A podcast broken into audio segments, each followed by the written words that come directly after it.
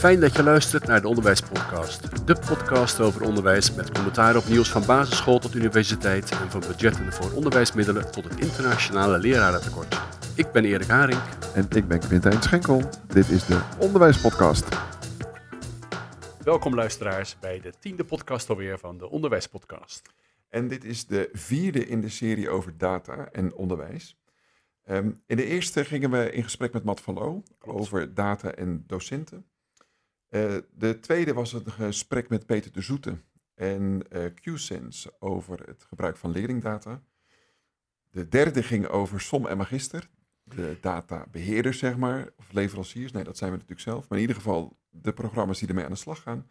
En vandaag gaan we het hebben over data in het onderwijs in België. Zeker, want België uh, is een land dat bekend staat als het bij over onderwijs gaat, over wellicht iets meer hiërarchische structuur in het onderwijs.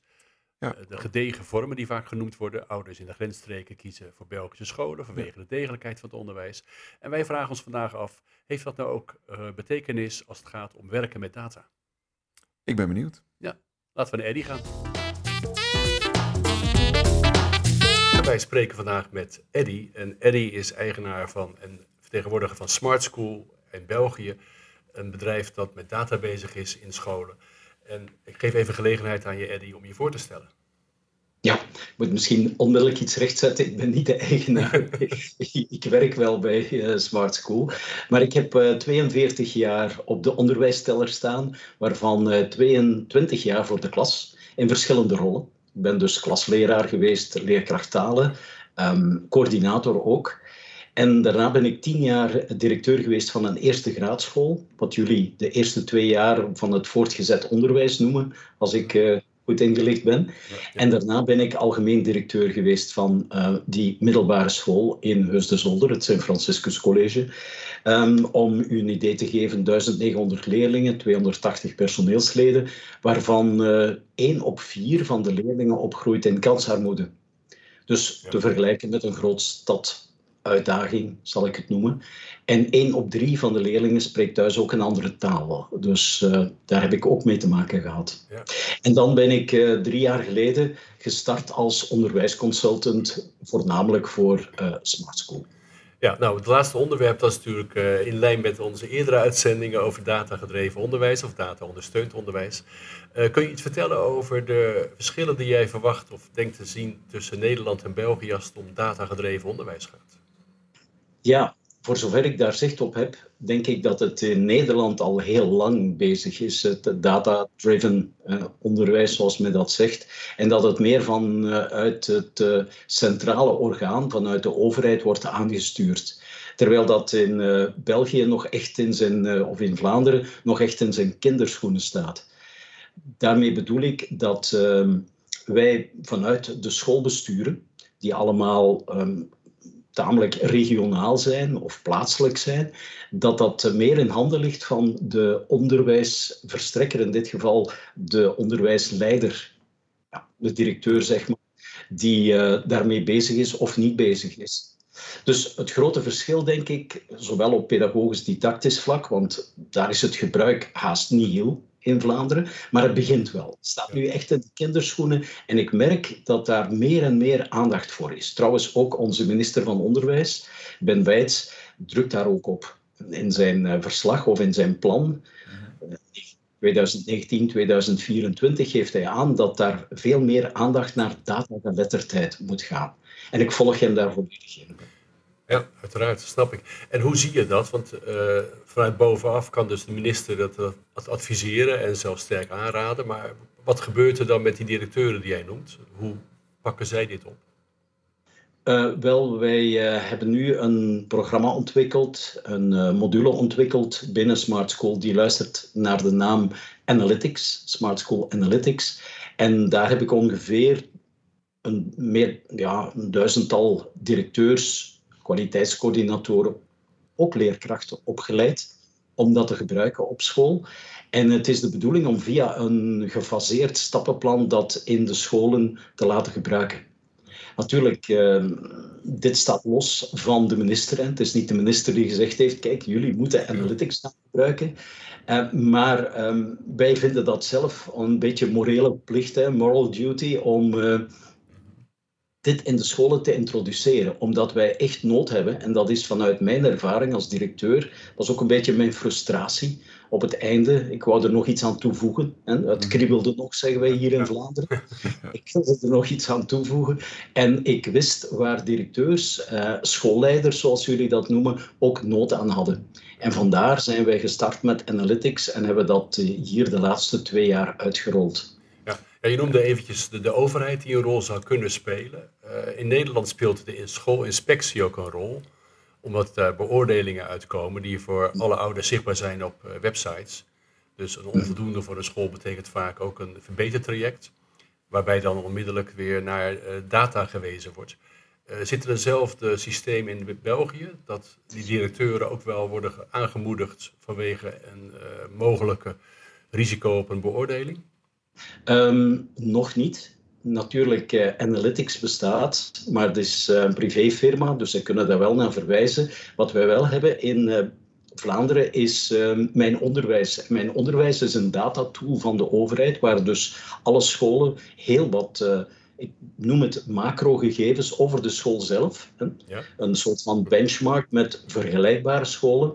Uh, data in verband met attestering, uh, adviezen, uh, welke leerlingen komen naar school, hoe doen leerlingen het in het hoger onderwijs, is een zeer goede tool. Um, maar dat is altijd op macro- en regionaal niveau. Wat wij met analytics beogen is dat op meso, school, of microniveau. Dus echt kwaliteit tot op de klasvloer brengen. Dat is eigenlijk onze bedoeling.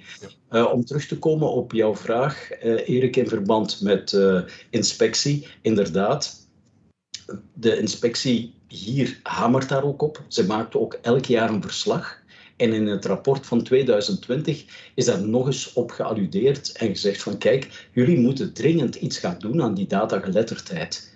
Want wat stellen wij vast? In de secundaire school, voortgezet onderwijs, primair onderwijs, ehm, bij ons basisonderwijs, is het iets beter. Ik geloof dat wij 56% scoren van evaluatie van de kwaliteit, maar in het secundair onderwijs, het voortgezet onderwijs, is dat maar 25%. In Vlaanderen zeggen wij dik gebuist. Ja.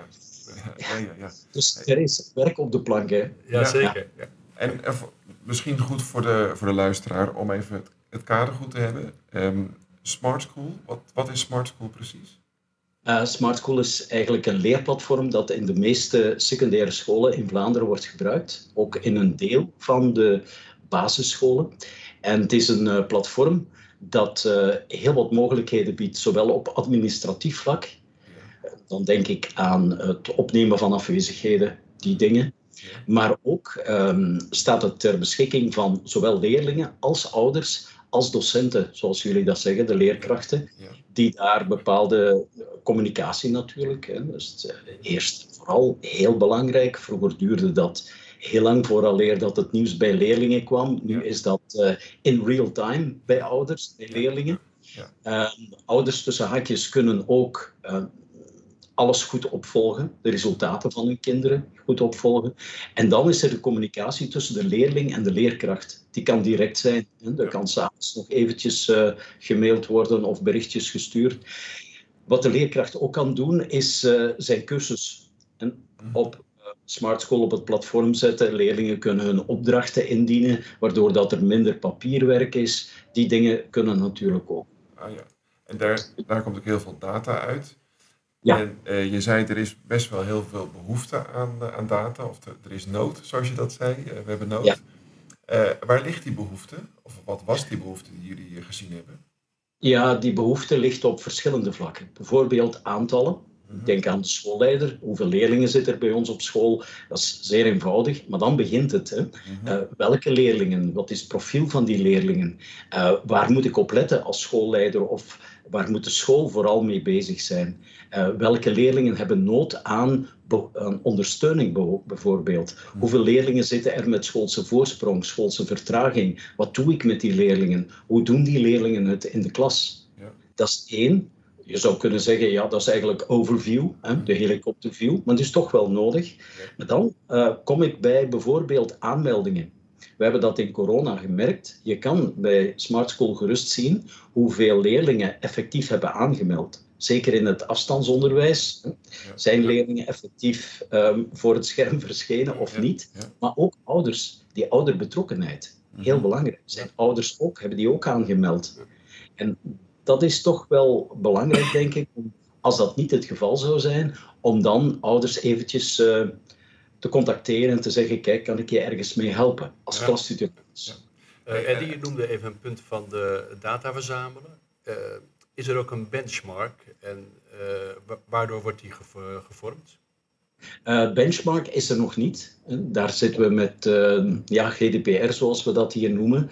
Um, ja, we zijn erover aan het nadenken en we krijgen heel dikwijls die vraag die u nu stelt, krijgen we heel dikwijls van directeurs. Ik zou eens willen weten, hoe zit dat in andere scholen?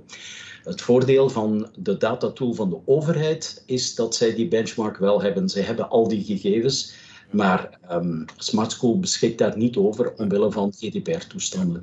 Ja, ja. bij, bij ons de, de AVG. Uh, ah ja, AVG, ja, ja, zo wordt het genoemd, maar wij uh, gebruiken Engelse term. Om nog even terug te komen op die data, uh, uiteraard, evaluatie is ook heel belangrijk. Hè? Dat is het, maakt het grootste stuk van analytics uit het programma dat wij voorzien. Dus waarbij de leerkracht zelf kan zien van kijk, um, dit zijn de data van mijn leerlingen, de cijfers die zijn behaald. Uh, welke leerlingen hebben welke cijfers behaald en hoe ga ik daarmee om? Ja. Uiteraard is er dat nu ook, maar dat is alleen, dat zijn de cijfers van dit trimester of van dit schooljaar. Wij geven de leerkracht eigenlijk inzage in cijfers van vijf jaar geleden en zien of bijvoorbeeld het dagelijks werk en de examens, of de tentamens, zoals jullie dat ook wel eens noemen, of die overeenkomen met uh, ja, het resultaat dat ze dit jaar hebben behaald. Heel belangrijk in coronatijden om te zien of leerlingen even goed of minder goed, of zelfs beter hebben gescoord in uh, deze tijd. Ja. Dus uh, ga maar eventjes terug. Ik geef nog een, een heel goed voorbeeld waar ik het altijd op een positieve manier warm van krijg, dat is dat een leerkracht bijvoorbeeld uh, lesgeeft in een tweede jaar en ook de resultaten ziet van leerlingen in een derde jaar. Dus leerlingen gaan bij de leerkracht weg en ja, de leerkracht krijgt dan eigenlijk een soort van um, reflectiemoment. Maar heb ik mijn leerlingen goed voorbereid? Ik denk dat als we het hebben over kwaliteitsontwikkeling, dat dat een van de uh, belangrijke punten is waarbij een leerkracht kan zien. En als dat niet lukt, dan is denk ik, um, dan zijn deze data de ideale manier om een gesprek op gang te brengen tussen leerkracht X en leerkracht Y, of tussen de vakgroepen zelfs nog beter. Dus, want die, uh, dat inzichtelijk maken van de data maakt een docent misschien ook wel wat kwetsbaar. Want ja, het wordt heel zichtbaar wat jij gedaan hebt en wat het effect is ook op, op een volgend jaar bijvoorbeeld. Ja. Hoe, hoe ga je daar op een goede manier mee om dat je wel een, een, een, een situatie creëert waarin docenten dat ook durven delen en ook nou ja, in de spiegel durven kijken met elkaar? Ja, ehm, de data waar ik het daarnet over had, natuurlijk, dat zijn data van de leerkracht zelf. En ik raad ook altijd de scholen aan om, eh, zeker bij de start van analytics, te starten vanuit geef leerkracht terug alleen de eigen data. En deel geen andere data. Dat bevordert de betrokkenheid, dat is één. Het eigenaarschap ook. En dat doet ook de leerkracht eerst zelf reflecteren, vooraleer dat we de volgende stap zetten als school. Ja. En als die leerkracht alleen ziet van kijk, zo doen mijn leerlingen het in een volgend jaar, dan heeft niemand anders daar inzage in. En de leerkracht kan dan beslissen, of de school, het beleid kan dan beslissen op een bepaald moment, kijk, we zijn er klaar voor. En dan zou ik het vooral in de vakgroepen leggen. Want die mensen kennen elkaar. Altijd zoeken naar een veilige omgeving om data te delen. Begrijp uw vraag heel goed. Krijgt u ook heel dikwijls van uh, mensen in de opleiding van hoe gaan we daar best mee om? En daarom stel ik hen ook altijd dat stappenplan voor. Ja. Dus niet gewoon data dumpen, om het zo te zeggen, maar wel uh, heel gericht en heel, op een heel veilige manier met die data omgaan. Ja. ja. En dan heb je het heel erg over de individuele docent in eerste instantie. Goed, wat heb je dan als, als school daaraan, aan de data? Ik denk dat je als school een heel goed beeld krijgt. Hè? Bijvoorbeeld ook van leerlingen die je zelf kan selecteren. Um, leerlingen die een, een jaar schoolse voorsprong hebben, bijvoorbeeld, hoe doen die het Uh, dat zijn meestal, ik noem dat de, de, Steve Jobsen die onder de radar blijven. Hè. Ja. Dat zijn de leerlingen die met de rechter hersenhelft. En zo zijn er wel wat, hè. zowel in Nederland als in Vlaanderen ben ik van overtuigd, die met de rechter hersenhelft op Ibiza zitten in de klas. Dus dat betekent, um, daag die leerlingen uit. Uh, ga daar iets mee aan. En ik denk dat dat veel duidelijker wordt voor de school en dat ze daar hun beleid ook op kunnen uh, steunen. En um, op die manier ook beter kunnen sturen. Ik heb het natuurlijk nu over excellerende leerlingen, maar je hebt ook leerlingen die veel ondersteuning nodig hebben. Hoe doen die leerlingen het bijvoorbeeld, om in mijn uh, geval te nemen, hoe doen die leerlingen met een andere thuistaal het voor bepaalde vakken? En waar moeten we die leerlingen bijspijkeren? Waar zijn om het uh, heel actueel te houden, waar zijn zomerscholen nodig? Want dat is uh, ja. in Vlaanderen op dit moment. Hè. Hebben zij leerachterstand? En ja, waar bevindt hij zich? Als het gaat over gebruik van data, mhm. ja, dan is dit, uh, zoals de Duitsers zeggen, gevoelensfressen. Ja, dat, is, dat, dat is het hier. Uh, ja, dan zijn die data echt noodzakelijk, vind ik. Maar het vereist wel van docenten dat ze ook vaardig zijn om die data uh, te analyseren. Wat zijn jouw ervaringen daarmee? Ja, ik denk dat, dat je nu een heikelpunt aangeeft. Het, uh, de datageletterdheid van leerkrachten. Ik denk dat uh, daar een, een taak ligt, niet alleen voor de scholen, maar ook voor de overheid. En onze minister erkent dat, heeft ook gezegd, kijk, we moeten daar echt op inzetten, op datageletterdheid. Het leren omgaan met data, en dat is een heel breed onderwerp. Hè. Dat is nodig, ja, ook om, om leerkrachten um, op de juiste manier met hun data te laten omgaan. Maar daar ligt ook weer wat braakliggend terrein. Nu, het beweegt in Vlaanderen, om het zo te zeggen krijg meer en meer uh, mails van mensen die daar vragen naar stellen. Die zeggen, bestaat er zoiets als een cursus datageletterdheid? Ook hogescholen die uh, beginnen met praktijkonderzoeken van hoe wordt dat in scholen opgepakt? En wat hebben scholen en leerkrachten vooral nodig ja. om die stap te zetten? Maar ik dacht dat jullie zelf daar ook in, in ondersteunden. Vanuit ja, ja, ja. Analytics met, met een soort vragenset? Of hoe werkt dat? Juist.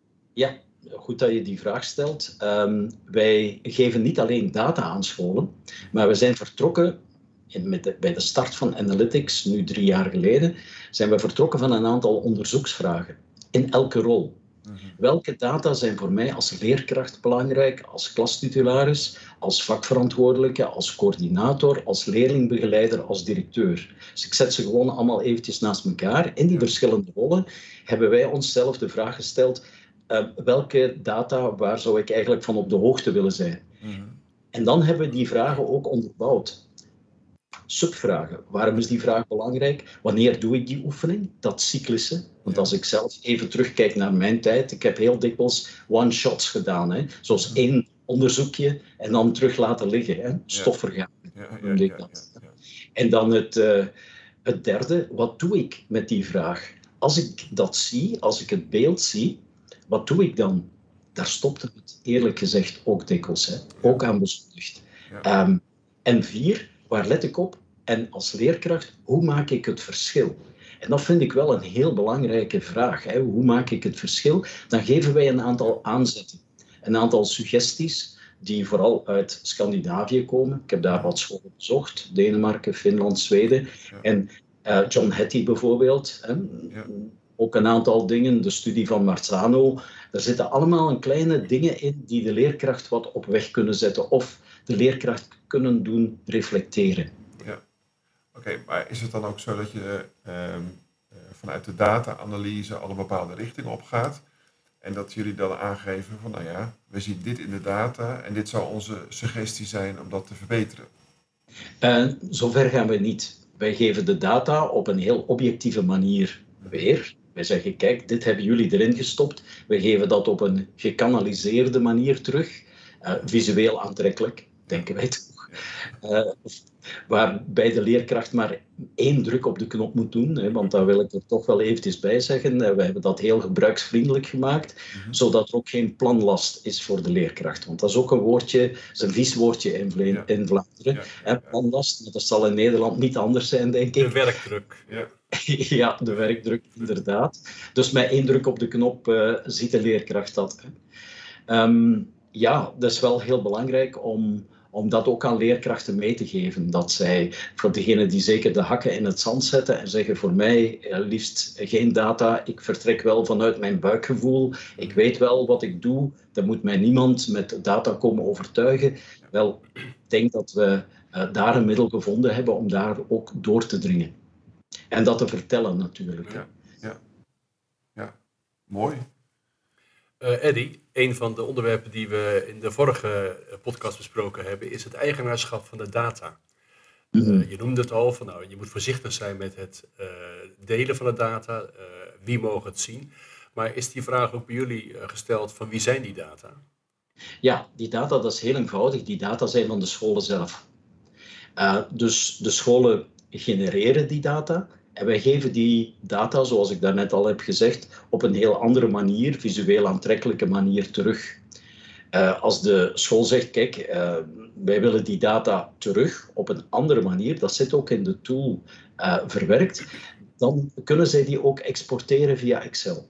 Dus wij geven hen eigenlijk ook de mogelijkheid om die data op een andere manier dan analytics te visualiseren. Als ze daar een taartdiagram, dat zit niet in ons dashboard, als ze daar een taartdiagram van willen maken of wat dan ook, we geven eigenlijk de data die zij hebben doorgestuurd, geven wij eigenlijk terug.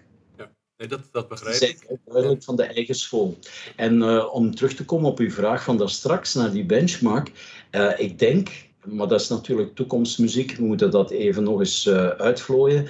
Um, wat we daarmee gaan doen. Maar ik denk dat de scholen wel, als zij willen dat hun, ja, dat hun data gebruikt worden, zullen zij daar toestemming voor moeten geven. Ja. ja. Natuurlijk niet herkenbaar, hè, geanonimiseerd, maar zullen zij daar echt toestemming moeten geven aan ons. Ja. Dus als ik het goed begrijp, uh, Eddy, uh, zegt u van uh, wij hebben geen inzicht in die data als Smart School. nee, nee.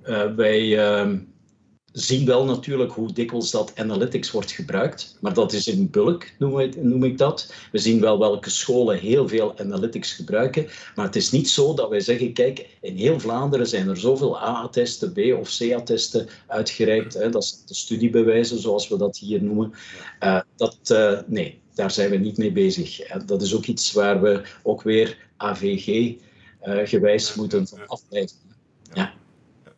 Ja, en je zegt de, de data is van de scholen zelf. Mm Ze kunnen dat exporteren, kunnen Excel gebruiken of wat ook. Um, in hoeverre staan jullie open voor nog meer uh, innovatie? Want het is natuurlijk een innovatief systeem wat jullie uh, hebben. Uh, maar stel dat een docent een ander systeem gaat um, ontwikkelen, kan die dan daarop aansluiten? Kan die jullie data uitlezen? Um, ja, ja, ik denk wij staan daar altijd voor open. Uh, maar het moet natuurlijk binnen het uh, technisch gezien, dat is niet mijn sterkste kant, uh, maar moet dat wel compatibel zijn zoals we ja. dat hier zien. Ja, maar we krijgen heel dikwijls vragen van mensen van kijk, wij hebben een eigen systeem. Um, meestal raad ik dan aan om de exportfunctie te gebruiken en, en dan in Excel en daar verder op te borduren. Ja. Wij hebben uh, contacten met uh, mensen van de pedagogische begeleiding bijvoorbeeld, van de verschillende netten die we hier hebben. Hè, ja. En die daar ook al volop mee bezig zijn hoor. Ja. Uh, dus, ja, wij, wij gaan innovatie natuurlijk aanmoedigen. Ja. Ja. En als leerkrachten daar iets meer mee kunnen doen, en wij zien het voordeel voor het geheel van Vlaanderen, voor het onderwijs, gaan we dat zeker uh, doen hoor. Ja. ja. ja.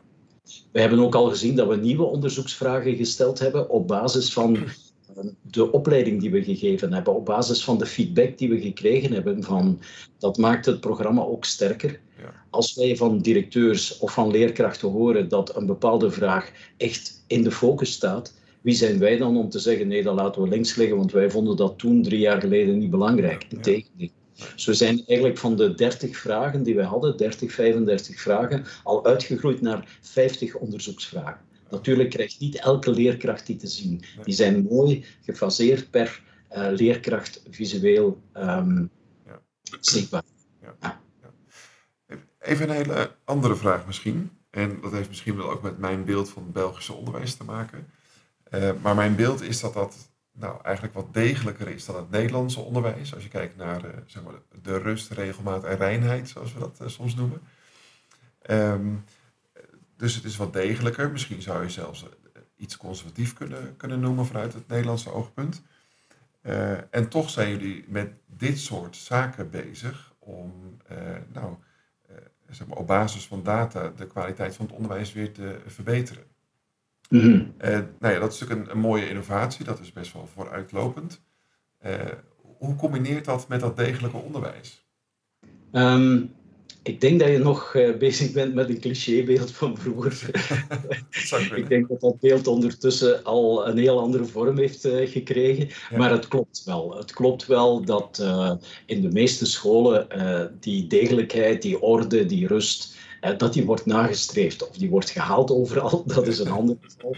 Um, maar inderdaad, ehm, ik zal niet ontkennen dat dit uh, tamelijk innoverend is. En zeker als dat binnenkomt in scholen waar men niet gewoon is om met data te werken en waar men altijd vanuit de perceptie, een mhm. heel belangrijk woord hier, hè, de perceptie, wat denkt de gemeente over de school? En nu zien zij ineens dat dat toch door het bekijken van die data, door de analyse, misschien toch wel een ander beeld geeft ook met mijn onderwijs, hè, die datatool van de overheid, dat dat toch wel een ander beeld geeft. Ja, dat komt in sommige scholen misschien wel hard binnen, mhm. maar ik denk dat wij daar nood aan hebben om daar ook soms beweging in te krijgen, waarmee ik niet uh, beweer hier dat we in Vlaanderen niet goed bezig zijn. Integendeel. Ja, maar het is, een, het is een aanvulling en ik noem, en dit is het belangrijkste woord voor analytics als ik start met de opleiding, dat is het woordje ondersteuning. Ja. Ik denk dat we mensen kunnen ondersteunen door hen data um, te geven.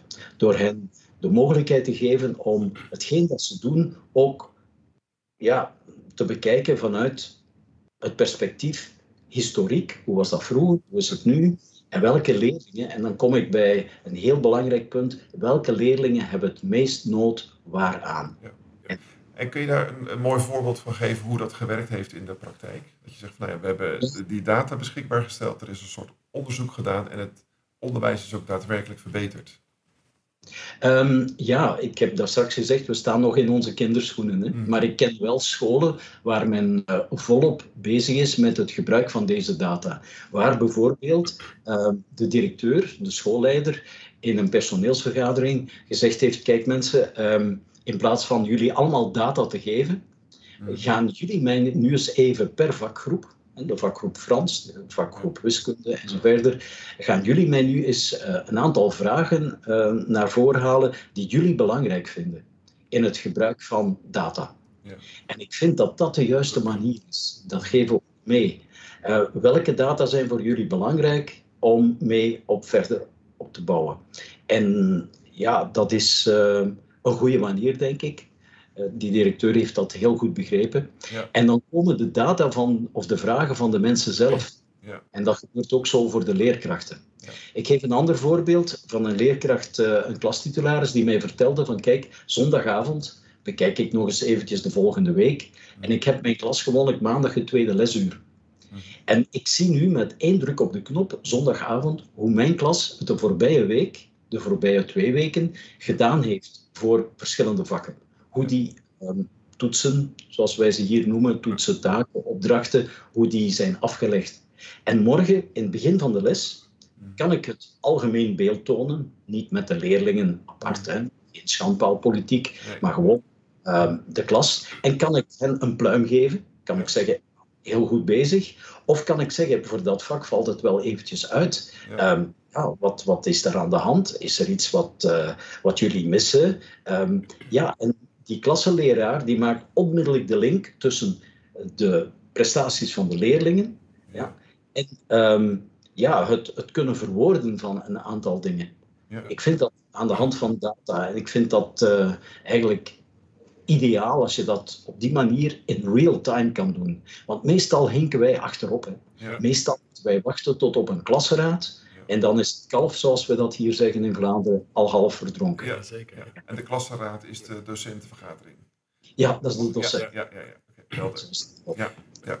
ja. Um, maar, maar hoe leidt dat nou tot concrete verbetering van het onderwijs? Want ik snap dat het heel fijn is om direct te weten wat er gaande is in de school. Um, maar is het bijvoorbeeld ook zo dat op basis van dat inzicht van jongens, afgelopen week zie ik dat het bij uh, wiskunde niet zo goed is gegaan, Waar ligt dat aan? Mhm. nou, komt dat dan boven water aan de hand van dat gesprek op basis van de data? Ja, ik denk dat dat gesprek ehm, ook weer die zelfreflectie voedt. Mhm. Bij leerlingen, uiteraard, ook bij leerlingen, want het zou kunnen dat daar uh, de oorzaak ligt. Maar het zou ook kunnen dat het ergens bij een bepaalde um, didactische vorm ligt, een werkvorm ligt. Ja, ja. zou ook kunnen. Um, maar ik denk dat we dan bij de vakgroepen terechtkomen hoor. Als je vraagt echt naar wat kunnen we ermee doen, ik denk dat we dan bij de vakgroepen terechtkomen. Bijvoorbeeld, hebben wij een ander handboek gebruikt? Ja. En hoe zijn de resultaten dan? Hebben wij een andere um, werkvorm gebruikt? Hebben wij aan co-teaching gedaan, bijvoorbeeld, vorig jaar? Dit jaar niet. Uh, zijn er verschillen te zien? Uh, op welke manier? Wie heeft daar mee van geprofiteerd tussen aanhalingstekens? Waren dat de leerlingen met een andere thuistaal of niet? Ja. Dus je kan heel wat uh, filters openzetten om te weten te komen van, kijk, hebben die inspanningen die wij als school, die wij als vakgroep, die we als leerkracht gedaan hebben, hebben die geleid tot verbetering? En uh, als dat niet het geval is, dan uh, moet de reflectiedoos open, zoals ik dat noem. Ja. Ja, en die ja, reflectiedoos, dat is een heel moeilijke. Hè? Ja, maar ik denk dat we daar ook nog heel wat stappen moeten zetten. Hoor.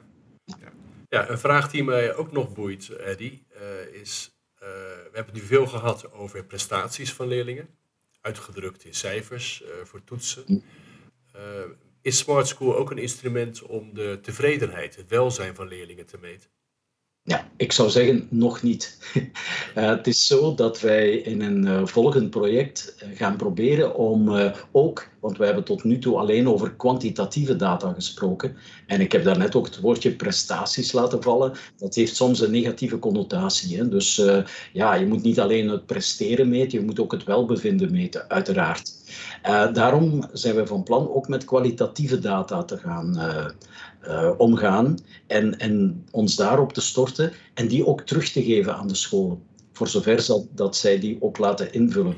En dan denken we vooral ook hier aan uh, ouderbetrokkenheid. Wat denken ouders over de school? En dat om de twee jaar die um, data te verzamelen bij ouders. Via Smart School gaat dat heel gemakkelijk. Vroeger moest dat allemaal brief en moest je dat terug binnenkrijgen. Dat duurde soms twee, drie maanden en dan had je maar een deel van de ouders. Hier kan je ouders onmiddellijk via Smart School zelf ook bereiken. Dus gaat veel gemakkelijker, als één. Maar ook de leerling. De leerling die bijvoorbeeld de leerkracht evolueert. Niet alleen het welbevinden, maar ook zegt aan de leerkracht. En dan zitten we weer bij die kwaliteitsontwikkeling. Zitten we weer bij die zelfreflectie, bij die doos waar ik het daarnet over had. Wel, um, ja, laat leerkrachten eens zeggen aan hun leerkrachten, of leerlingen liever zeggen aan hun leerkrachten wat ze goed doen, waar ze sterk in zijn waar ze moeten op blijven inzetten. En waar ze eventueel ja, nog stappen vooruit kunnen zetten. En daar willen wij als uh, Analytics ook scholen in ondersteunen. Ook in bevragen natuurlijk van personeel, zelfs een directiebevraging zit er ook in. Ik denk dat een schoolleider, Teach as you preach, zichzelf best ook laat uh, evolueren, hè, zoals ik het noem. Ja, ja. Dat hoort natuurlijk wel bij, dat je als schoolleider zelf ook uh, ja kijkt van hey, hoe, hoe doe ik het zelf eigenlijk? Ja, als je anderen vraagt om te reflecteren, moet je dat zeker zelf doen. Hè? En ook soms is dat confronterend. Ook oud-leerlingen, oud-leerlingen, leerlingen die de school verlaten hebben, dat is natuurlijk wel iets moeilijker. Maar ik denk dat een schoolleider daar heel veel uit kan leren. Ja, dat zijn de zogenaamde exit-gesprekken. Die voeren wij inderdaad, maar goed, dat is dan kwalitatief. Maar die worden wel gevoerd uh, om te terug te halen wat de verbeterpunten zijn of wat de sterke punten van de school zijn uiteraard. Ja, wel, ik denk dat jullie daar heel sterk in zijn in Nederland. Hè. Dat is iets wat wij echt niet kennen. Of misschien wel in een aantal scholen, een heel beperkt aantal. Maar ik ken ze niet. Hè. Ik ken die scholen niet die dit doen. Maar ik sta er wel achter. Wij deden vroeger ook uh, bevragingen van oud-leerlingen nadat ze een jaar van de schoolbanken waren. Ze hadden dus al een jaar aan de UNIF, aan de hogeschool gezeten en wisten dan precies wat ze gemist hadden of wat ze mee hadden gekregen. En dat was best confronterend hoor, om dan te lezen van kijk, eh, wij waren voor chemie, ik noem maar een vak, niet goed voorbereid. Ja. Uh, sorry, maar ja, dan uh, moest er iets gebeuren op school. Ja, nou, heel mooi om dat structureel te doen. Vaak gebeurt het nu incidenteel, dat een oud-leerling iemand teruggeeft. Ja. Uh, wat er nu gebeurt, is dat soms, ik noem dat incidenteel gebeurt. Hè. Er men zegt, ja, men hoort zo eens iets, hè, de perceptie, men hoort zoiets en men denkt, ja, we moeten daar iets aan gaan doen. Maar dan valt dat weer stil. Ja. Ik wil dat cyclisch laten gebeuren. Ja. Om de twee jaar een bevraging. Dat hoeft daarom niet elk jaar te zijn. Heel interessant. Ja, want hoe, um, je zei zelf al vanuit je eigen ervaring, deed je soms van die one-shots. Dus je doet één keer een onderzoekje en nou ja, dat neemt al veel tijd in beslag. En, en mm wordt niet opgevolgd. Maar hoe zorg je er nou als school voor dat dat, dat, dat inderdaad cyclisch wordt? Wat, wat zou jouw idee daarover zijn? Ja, ik denk dat daar echt de taak is uh, van de schoolleider om een datacoördinator of een kwaliteitscoördinator, mhm. dat woord het begint hier al zo een beetje ja, in te worden. Ja. Uh, al is dat maar voor een paar uurtjes per week, dat zo iemand naast de schoolleider staat en ook de knipperlichten aangeeft. De schoolleider moet er niet altijd mee bezig zijn, want die wordt overspoeld door al die dingen. Die is bezig met de waan van de dag, bij wijze van spreken. Staan ouders aan de deur, leerlingen. Er is iets uh, ja, met de leerkracht in een klas. Ja, die is niet altijd met data bezig, maar die datacoördinator die kan zich daarop focussen en die kan aan de schoolleider of aan de vakgroepen of aan een bepaalde graad, een bepaald leerjaar, kan die aangeven van kijk, dit stel ik vast. Ehm, ik vind dit ongewoon. Dit is iets wat we nog nooit hebben gezien in het verleden. Willen jullie dat eens even bekijken? Zonder daar natuurlijk een oordeel over uit te spreken. En dan werkt die weer ondersteunend. En dan kom ik weer bij het basiswoordje van analytics, ondersteunend. Ja, ja zeker. Um, ik denk dat we ongeveer naar een afronding uh, toe gaan. Maar waar ik nog heel benieuwd naar ben, Eddie, want um, het gaat ook allemaal over data, uh, over kwaliteitsverbetering. Het is allemaal het is toch een beetje instrumenteel misschien of zo voor een, voor een school. Terwijl uh, ik steeds, als ik in gesprek met je ben, merk dat je heel gepassioneerd bent, maar juist over de leerlingen. Mm -hmm. um, kan je daar nog iets over zeggen, over wat jou nou drijft in het hele gebeuren rondom data en, en uh, analytics? Um, ik ga een voorbeeld geven uit mijn praktijk. Een voorbeeld dat ik ook altijd uit, uh, in de opleiding geef. En uh, we kunnen het nu niet zien, maar het schaamrood komt mij weer even boven. Wel, als ik uh, tien of vijftien jaar geleden de data had gezien die ik nu zie in mijn vorige school, ja. dan zou ik andere beleidsbeslissingen genomen hebben andere gesprekken gevoerd. En het ging dan vooral over leerlingen met een andere thuistaal. Je zal wel gemerkt hebben doorheen dit gesprek dat mij dat uh, ja, erg nauw aan het hart ligt. Wel, die leerlingen die scoorden en scoren nog altijd beter dan wat de perceptie zegt. En um, ik denk dat ik heel andere gesprekken zou gevoerd hebben, ook in de lerarenkamer. Ja. En waar soms nogal ja, uitspraken werden gedaan over die leerlingen en over leerlingengroep. Maar ik zou ook aan hun ouders, in dit geval waren het Turks sprekende ouders, zou ik een andere boodschap hebben gegeven. Mhm. Ik zou andere beleidsbeslissingen genomen hebben met het team, de vakgroepen heel anders hebben kunnen aansturen als ik al die data gehad had. Ja. Dat was zo'n beetje mijn frustratie op het einde van mijn loopbaan en daarom ja, kriebelt het nog, zoals wij dat zeggen. En ben ik uh, samen met Jan Schuur, die dat ook, hè, de stichter van Smart School, die dat ook uh, voelde. En daarom hebben wij onze visie verenigd en hebben wij, ja, heeft het heel weinig tijd gekost om dit uit de grond te stampen, om het zo te zeggen. En uiteindelijk gaat het dus om, om goed onderwijs voor kinderen te organiseren. Die ja, Juist. gelijke kansen krijgen en, en uh, zich echt volop kunnen ontwikkelen. Ja, dat is onze kleine missie, om het zo te zeggen. Hè? Kwaliteit tot op de klasvloer brengen. Ja, ja en het uh, kwaliteit van die data is natuurlijk daarbij ontzettend belangrijk. Hè? De, de, data zijn blind, zeg maar, en eh, halen die, die onderbuik of die percepties, jij het noemt, er mooi uit. Ja. Ja, en wat uh, de meesten doen, is die data heel breed uitsmeren en denken, ja, dat is alleen voor de schoolleider. Hè. Ik moet daar niet mee bezig zijn als, als leerkracht of als klastitularis, als vakhoofd, moet ik daar niet mee bezig zijn. Maar ik, ik denk dat het omgekeerde waar is. Die schoolleider moet natuurlijk uh, awareness hebben van die data, maar uh, het moet in de klas gebeuren. Daar moet het verschil gemaakt worden. Zeker. Heel mooi. En een mooie uitsmijter trouwens. Dankjewel. Um, Eddie, wil je nog het laatste ding meegeven? Um, ja, ik denk dat dat heel belangrijk is, uh, zeker voor uh, Vlaanderen. In Nederland, uh, ja, ik denk dat het allemaal op data meer data gestuurd is in Nederland. Ik denk dat we veel van Nederland kunnen leren. Trouwens, ik kijk ook dikwijls naar dingen die jullie al doen. Want jullie zijn daar op dat vlak heel innoverend, ook op het vlak van pedagogisch-didactische aanpak. Eh, maar ik denk dat in Vlaanderen dat wij vooral um, moeten inzetten op die datageletterdheid en dat geen vies woord gaan vinden. En um, ook niet gaan kijken naar mensen die a priori al de hakken in het zand zetten en zeggen, daar doe ik niet aan mee. We moeten naar die 80% zeggen, uh, kijken die wel meegaat. En aan hen zeggen, kijk, ik ondersteun jullie ja. met data. Dat vind ik heel belangrijk. En data niet zien als een soort van Big Brother. Um, Big Brother is guiding you, ja. zou ik hier zeggen. Of ja. Big Brother is coaching you ja. in plaats van watching you. Dat zou het eigenlijk moeten zijn. Ja, heel mooi. mooi. Hartelijk dank. Dankjewel. Ja, graag gedaan. Erik, dat was Eddie. Ja, Eddie. Wat vond je ervan? Van het gesprek? Ja, nou, ik vond het heel, heel interessant om van Eddy een paar dingen te horen. Wat me nu even het meest uh, bijblijft is dat hij de docent heel erg centraal stelt in de analyses. Mhm. Dus het is niet een datateam of een bureau dat uh, met analyses komt, maar zijn vragenlijst die hij opgesteld heeft, uh, stelt de docent in staat om eerst voor zichzelf te gaan bekijken wat die data die hij tot beschikking heeft, ja. zeggen over zijn manier van lesgeven. Ja.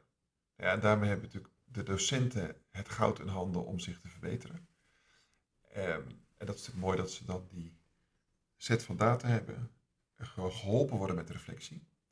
En wat ik daar nog, nog bij heel mooi vind, is dat dat uiteindelijk ook in de vakgroep gelegd wordt. Um, uh, zodat je samen als vakcollega's jouw vak, uh, en dan niet alleen inhoudelijk zoals wiskunde, maar ook jouw vak als docentschap, uh, samen kunt verbeteren.